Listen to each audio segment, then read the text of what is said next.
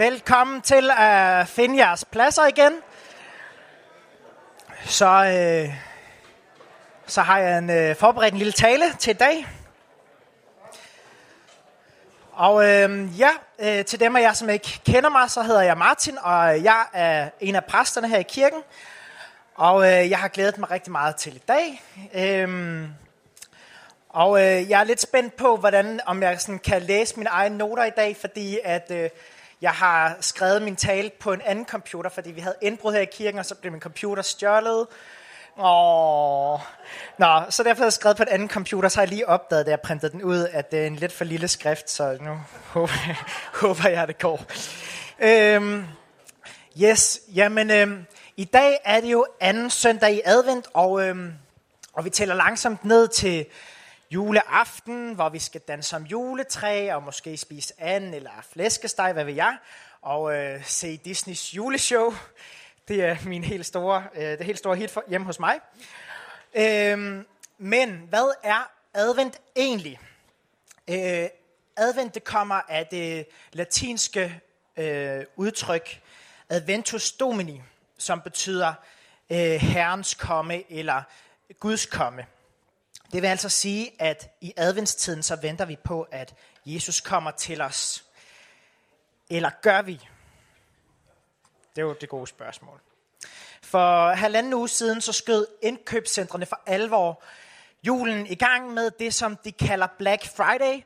Øh, måske er det sådan virkelighedens svar på Hunger Games. Øh, Altså folk kappes jo som vanvittige øh, efter gode tilbud, og det bliver nærmest en kamp om liv eller død. Øh, jeg ved ikke, om nogen af jer har set sådan nogle YouTube-klip, som der har været på Facebook, hvor folk altså bogstaveligt talt kommer op og slås over øh, fladskærme, tøj og computer. Og så alt imens, så er det sådan i... Øh, i indkøbscentrene, så kører der sådan hen over højtalerne, It's the most wonderful time of the year.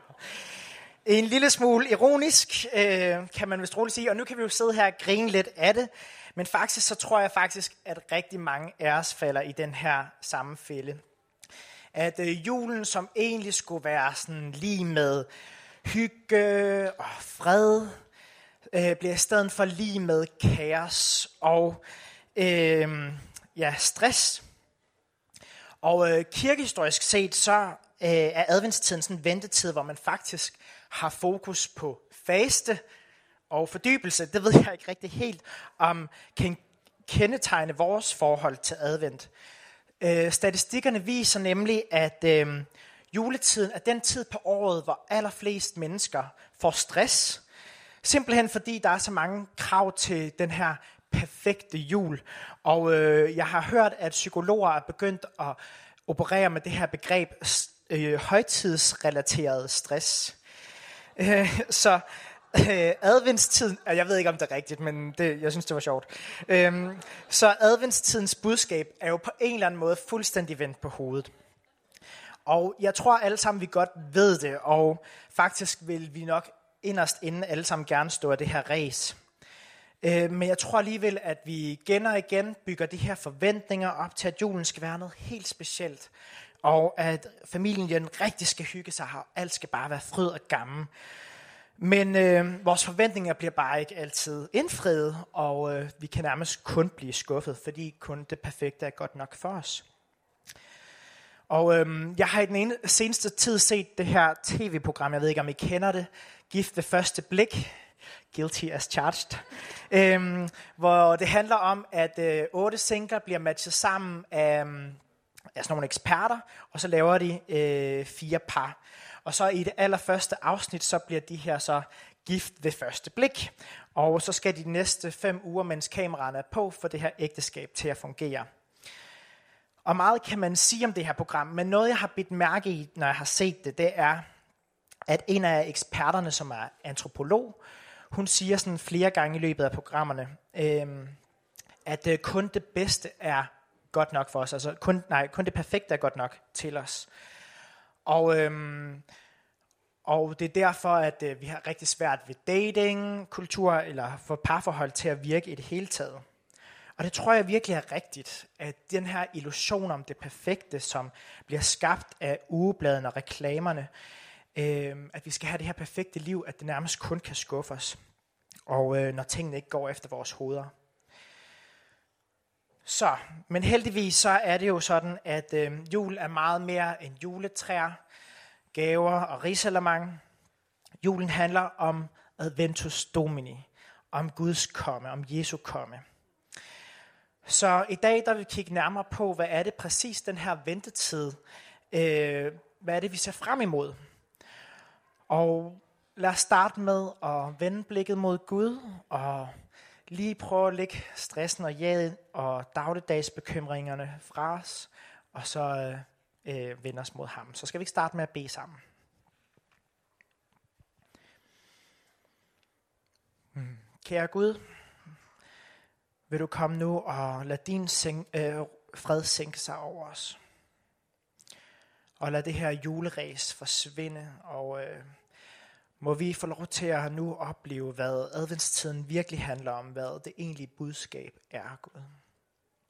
Og øh, Helion, vil du komme nu med din ånd og åbne vores hjerter og vores ører for, hvad du har at sige til os i dag. Øh, lad os være modtagelige for dit budskab, Gud. Og hjælp os til at have det rette fokus i den her juletid.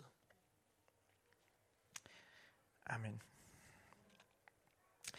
Ja, vi skal læse dagens tekst sammen, og den er fra Esajas øh, kapitel 9, og den kommer op her. Det folk, som går rundt i mørke, skal se et strålende lys. Lyset vil skinne på alle, som lever i dødskyggens dal. Herre, du gør jublen stor. Du fylder os med glæde, når høstfolk, øh, som når høstfolk fryder sig over høsten, som kriger jubler, når de deler byttet. For du bryder det tunge å, som hviler på vores skuldre, knækker slavefodens øh, kæp, øh, som da du frelste os fra midjanitterne.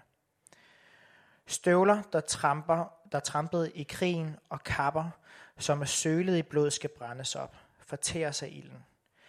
For et barn er født os, en søn er givet os. Han skal herske over os, og han skal kaldes underfuld rådgiver, vældig Gud, evig fader og fredsfyrste. Når han bliver konge i Davids rige, bliver hans magt uden grænser, og han skaber fred overalt. For han bygger sit rige på retfærdighed fra nu af og til evig tid. Herren, den almægtige, vil gøre, hvad han har besluttet. Og, amen.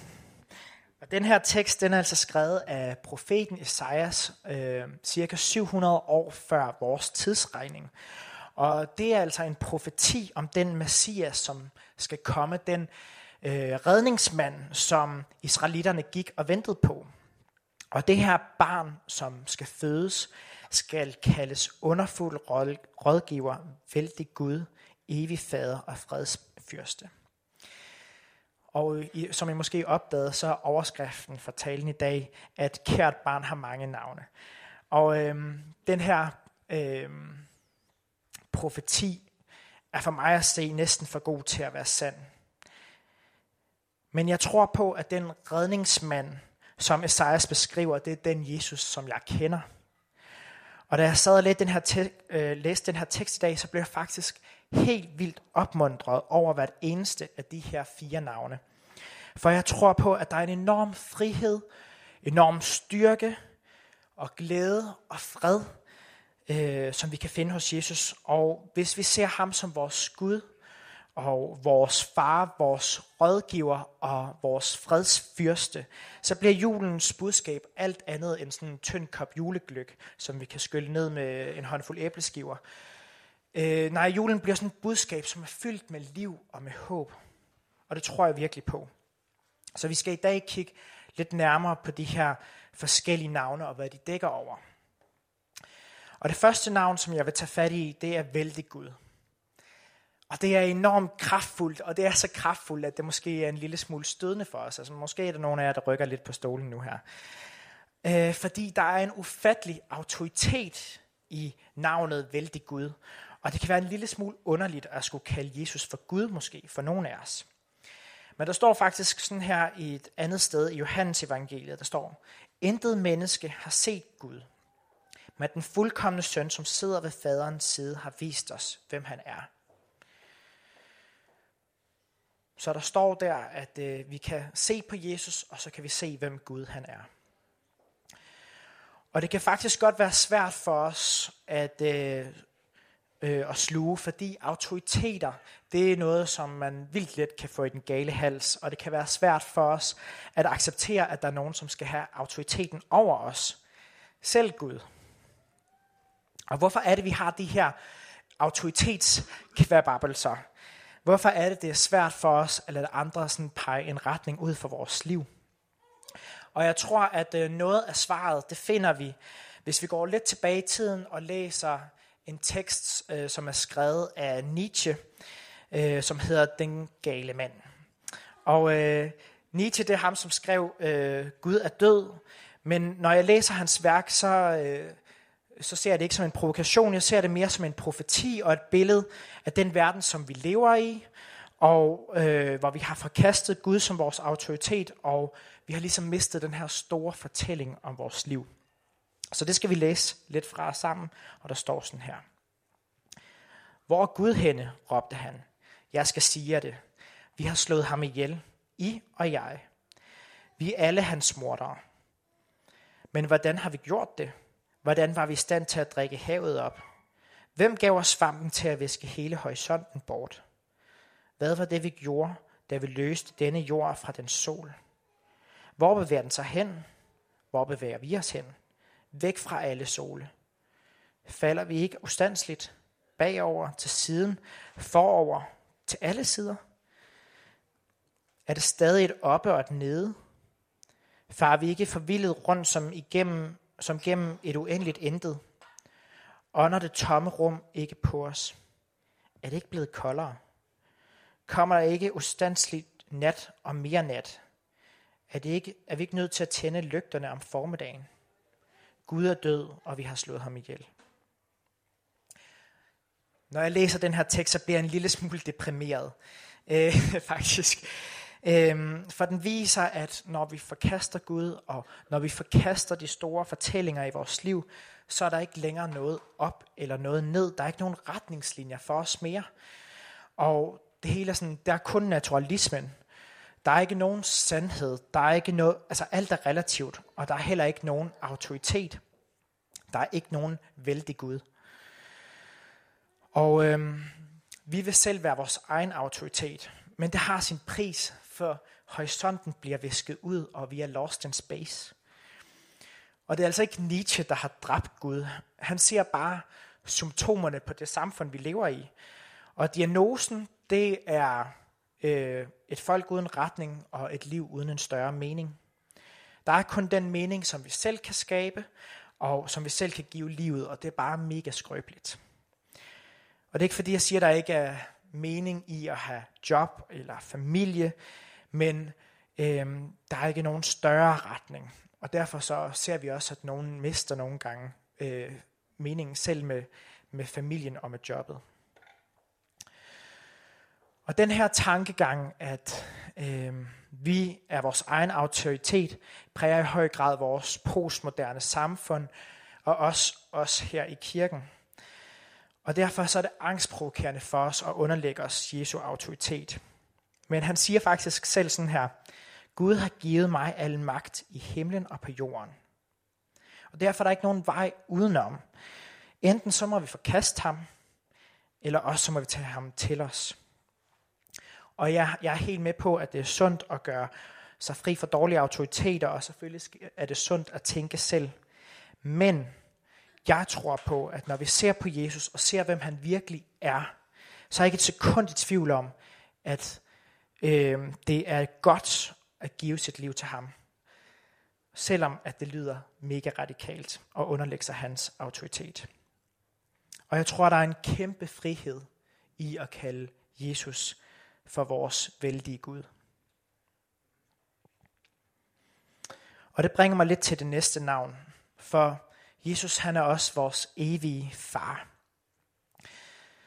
Øhm, for når jeg læser om Jesus, så er han bare fuld af omsorg for de syge, for de svage i samfundet, og alle de personer, som resten af befolkningen på Jesu tid ikke, øh, som, som folk afskyede. Han var deres ven. Og øh, der kom faktisk øh, i Bibelen er der en historie, hvor der kommer en øh, prostitueret hen til Jesus øh, ved et rigtig fint middagsselskab, og øh, hvor Jesus sidder til bords, og hun begynder simpelthen at vaske Jesu fødder med hendes tårer, øh, fordi hun har oplevet, hvordan han har forvandlet hendes liv, og hun øh, tørrer hans fødder med sit hår. Og det er akavet, og det er simpelthen en skandale uden lige, men Jesus tog imod hende, på trods af, at de andre sad og sådan, hvad sker der? Og han tog imod hende på trods af hendes fejl og hendes mangler, og han viste hende ikke bort.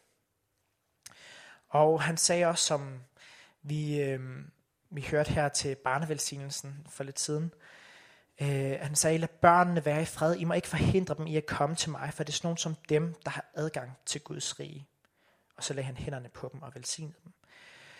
Så Gud han tager altså imod os med åbne arme, og han er en kærlig far. Øhm, og han elsker os på trods af vores ufuldkommenhed. Det synes jeg er fantastisk. Det tredje navn er underfuld rådgiver. Den vil jeg bruge lidt mere tid på. Øhm, og det der med underfuld, det betyder altså ikke, at han er sådan underfundig, øh, som man måske kunne tro, eller det betyder heller ikke, at han ikke er fuld nok. Øhm, men det er måske et andet ord for fantastisk, altså en fantastisk rådgiver. Det er et under, et mirakel, som vi ikke kan begribe. Og øhm, når vi snakker om Jesus som vores rådgiver, så kan, kan vi helt vildt let komme til at reducere ham som, til den her øh, gode mand, som bare giver fifs øh, til livet. Øh, men han er altså meget mere sådan en morallærer, eller en rigtig god humanist, som giver gode råd på lige fod med Buddha og andre kloge hoveder. Og han er heller ikke bare sådan en ven, der giver os ret i, i det, vi står i. Øhm, Phil Collins har på et tidspunkt skrevet sådan en sang, som er sådan en parodi på sådan en tv-præst, øh, som bare gik efter og fik en masse seere, øh, hvor omkvædet lyder sådan her. Jesus knows me, and he knows I'm right. Øhm, og det tror jeg alt for ofte, at vi kan reducere Jesus til den her bare totalt flinke ven. Jeg ved ikke, om I nogensinde har set sådan en t-shirt, hvor der stod, Jesus is my homeboy. Sådan en rigtig uh, hippie t-shirt fra 90'erne. Øhm, eller, ja. Øhm, men øh, han er ikke bare den her ven, som bare taler os efter munden. Øhm, der, altså, det er bare så langt fra sandheden. Og når vi siger, at Jesus han er vores rådgiver, så kan vi måske også komme til at tænke på ham. Han er så, så sådan, på engelsk så er det counselor, så kan man måske tænke, at det er sådan en terapeut. Men han er også mere end det. Han er sådan en, der stikker retninger ud for vores liv og som kan hjælpe os til at navigere i den verden, vi lever i. Og øhm, faktisk så er det en lille smule paradoxalt, at vi har svært ved at underlægge os autoriteter, for på samme tid så søger vi i høj grad øh, mere end nogensinde før rådgivere, coaches, selvhjælpsbøger, slankeguruer. Og øh, vi ønsker, at der er ligesom nogen, der giver os en retning. Øhm, og det er uden tvivl sundt at søge efter råd, men nogle gange så søger vi bare i øst og i vest. Øhm, jeg ved ikke, om I har hørt radioprogrammet Mass om monopolet, men nogle gange så er det fuldstændig vanvittigt, hvad de giver øh, lytterne af råd. Øhm, og øh, de stikker bare i tusind forskellige retninger. Og jeg tror nogle gange, at lytterne er mere forvirret bagefter, end før øh, han eller hun ringede. Men Jesus siger, at vi skal søge ham, og ikke alle mulige andre. Altså, det må vi også gerne. Men altså, øh, søg ham, øh, fordi han giver os retning. Ikke bare til et godt liv, men et liv med mening. Og helt konkret så giver han os nogle øh, råd på et praktisk plan, på et socialt plan og på et indre plan. Og øh, på det praktiske plan, der, øh, der siger Jesus, følg mig. Se på mig, se hvad jeg gør, efterlign mig. Og det kunne han sige, fordi han havde øh, integritet. Og øh, det han gjorde, og det han sagde, det stemte overens, og han var på ingen måde en hyggelig. Og noget af det, som han talte om, det var, øh, som han talte om ret tit, det var, at øh, det var investeringer. Hvordan bruger vi vores liv? Hvordan satser vi på, eller hvad satser vi på her i tilværelsen? Og han opfordrer os til at tage livet alvorligt, og en gang imellem løfte vores blik fra vores hverdags trummerum og vores hverdags bekymringer, og så i stedet for at se, hvordan er det, vi egentlig investerer vores liv på den lange bane. Og han opfordrer os til at tage vores liv til revision, og øh, ligesom overveje, øh, hvad er det for nogle ting, jeg egentlig har fået givet. Og det kan være vores penge, vores ressourcer, vores familie, alt hvad vi har fået givet, og hvordan vil vi bruge det. Og nogle gange så kan det måske være svært for os at se, hvad det er, vi egentlig har fået givet, og så er det måske meget godt at hive fat i en ven og sådan sige, hvad er det egentlig, Gud har givet mig. Men hvad er det, du har fået af talenter og gaver, hvordan vil du vælge at bruge dem? Hvordan vil dit liv for eksempel se ud, hvis Jesus var din bankrådgiver? Lidt poppet, men det kan du tænke over. Når vi for alvor lader Jesus være vores rådgiver, så bliver vores liv fuldstændig vendt på hovedet. Han kommer faktisk og rydder op, og i Lukas evangeliet, der ser vi faktisk, hvordan han kommer til templet i Jerusalem og smider alle de handlende ud, som er på øh, tempelpladsen. Fordi, og han siger, at det skal være et helligt sted, og ikke et gedemarked. Og det samme må også ske i vores liv, øh, i vores hjerter. Nogle gange må vi ændre vores gamle tankegange, vores handlemønstre, og vi må gøre op med det, og det kan gøre ondt, og det kan være kaotisk. Men Jesus han er altså ikke bare sådan en lille nipsting, vi kan have stående i vindueskarmen som sådan en pyntegenstand. Han er ikke bare sådan creme på vores tilværelse, sådan på vores kage i livet. Nej, Jesus han vil være alt i os. Og det er, øh, det er svært. Øh, og det kan gøre ondt. Men det er godt. På det, et andet plan, som Jesus øh, han, øh, er vores rådgiver, rådgiver, det er på det sociale plan. Og her fortæller han os, at vi skal elske vores næste som os selv, og det er simpelthen en bydeform. Det er bare, bare at gøre det. Just do it. Når han er vores rådgiver på det sociale plan, så byder han, at vi skal være tilgivende, at vi skal være ydmyge, vi skal være hjælpsomme, at vi skal være gavmilde, og at vi skal elske vores fjender. Og det er retningslinjer, som er svære at følge, men jeg tror faktisk på, at det kan være med til at gøre den her verden til et bedre sted. Og, at, og jeg har faktisk gentagende gange fået lov til at se, at i nogle af de situationer, hvor jeg har øh, været med til at, eller tilgivet, eller et eller andet i den dur, så har jeg fået lov til at se glemt af Guds rige brød frem. Og, øhm, og når vi giver os selv hen til vores næste, når vi ligesom øhm, følger nogle af de her retningslinjer, så får vi lov til at se, at livet er øh, et smukt, verden er et smukt sted at være, og at Guds rige kommer tættere på. Og det sidste plan, det er det indre plan. Og øhm, Jesus han kender vores hjerter, han ved, hvad vores hjerter er fyldt af. Han kender vores motiver, han kender vores bekymringer, og han kender også vores længsler. Fordi han er Gud, og fordi han kender alt til os. Og derfor kan han også hjælpe os på vores personlige plan, vores indre plan. Og øh, det handler om at have tiltro til ham, at øh, han øh, ved bedst. Og han, øh, der står sådan her i Lukas evangeliet. I skal ikke være så optaget af, hvad I skal spise og drikke. Det går folk ud i verden højt op i. Men I skal ikke bekymre jer om sådan noget, for jeres himmelske far, eller jeres far i himlen, ved alt, ved, at I har brug for det. Så hvis vi stoler på Jesus, så kan vi altså trygt lægge vores indre liv over til ham og stole på, at Han kender os, og han ved, hvad vi har brug for. Og det er også dejligt.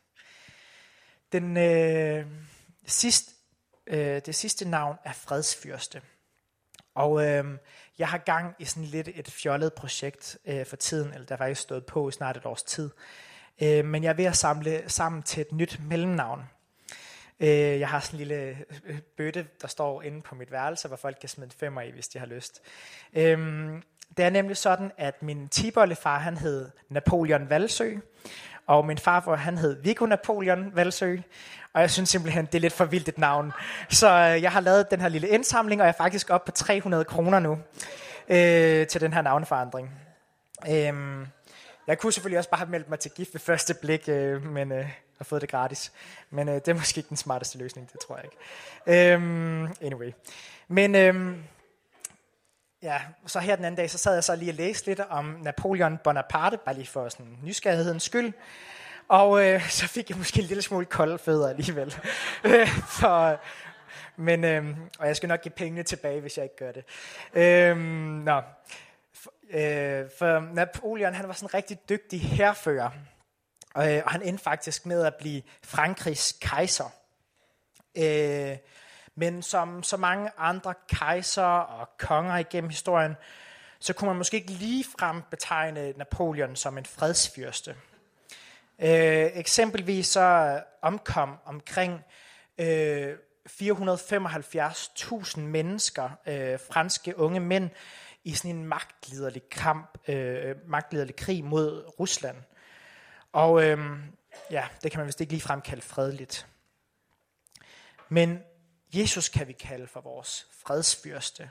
Jesus han havde en helt anden fremgangsmetode, han havde et helt andet paradigme end de herskere og de regeringer, som vi kender i verden. Jesus han kommer med forsoning, og øhm, kun hos Jesus kan vi opleve den her himmelske fred, som kommer fra Gud. Øh, vi kan måske nogle gange føle, at vores liv er lidt i sådan en skyttegrav, som der var i Første Verdenskrig, hvor den ene fløj angriber den anden, og det kan blive sådan en blodbad uden lige. Og historisk set, så har der været masser af sådan nogle her krige, øh, hvor uskyldige mennesker lider døden for fyrsternes magtkampe.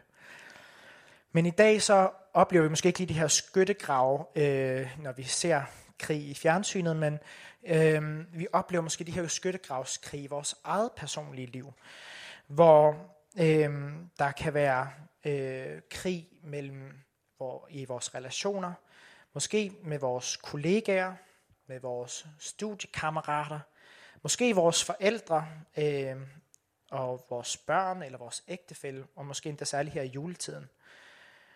Og øh, vi kan holde på vores ret til at have ret, og så bekriger vi hinanden. Men det, som jeg synes er ret fantastisk, det er, at Jesus han står der imellem skyttegravene. Og han inviterer os op, fordi han ved, at krig løser ikke vores problem. Og han inviterer os op til forsoning. Men det er ikke uden risiko, for når man står der i midten, så kan man blive ramt. Og øhm, det var faktisk det, som der skete for Jesus, da han stillede sig ud der i midten af slagmarken. Han risikerede at vise Guds kærlighed til os, men han blev ramt af vores Gud midt, på, midt i kampens hede. Så han offrede faktisk sig selv for at være et forbillede, for at gå foran, og for at vi kunne få fred med Gud. Og øhm, Isaias, i Isaias bog, der skriver han, øh, der skriver Isaias sådan her, og det handler også om Jesus. Hvem troede på budskabet? Hvem forstod Herrens magt? Herren lod ham spire frem som en ny plante, som et rodskud op af den udtørrede jord. Han var ikke noget flot syn, ingen særlig skønhed. Der var ikke noget ved hans udseende, som gjorde ham attraktiv. Han blev hadet og forkastet, Hans liv var fuld af sorg og smerte. Vi så til den anden side, når han gik forbi. Vi regnede ham ikke for noget. Vi troede, han var, vi troede at hans lidelser var Guds straf. Men det var vores sygdomme, han tog på sig, vores lidelser, han bar. Han blev gennemboret for vores synder og lemlæstet for vores overtrædelser.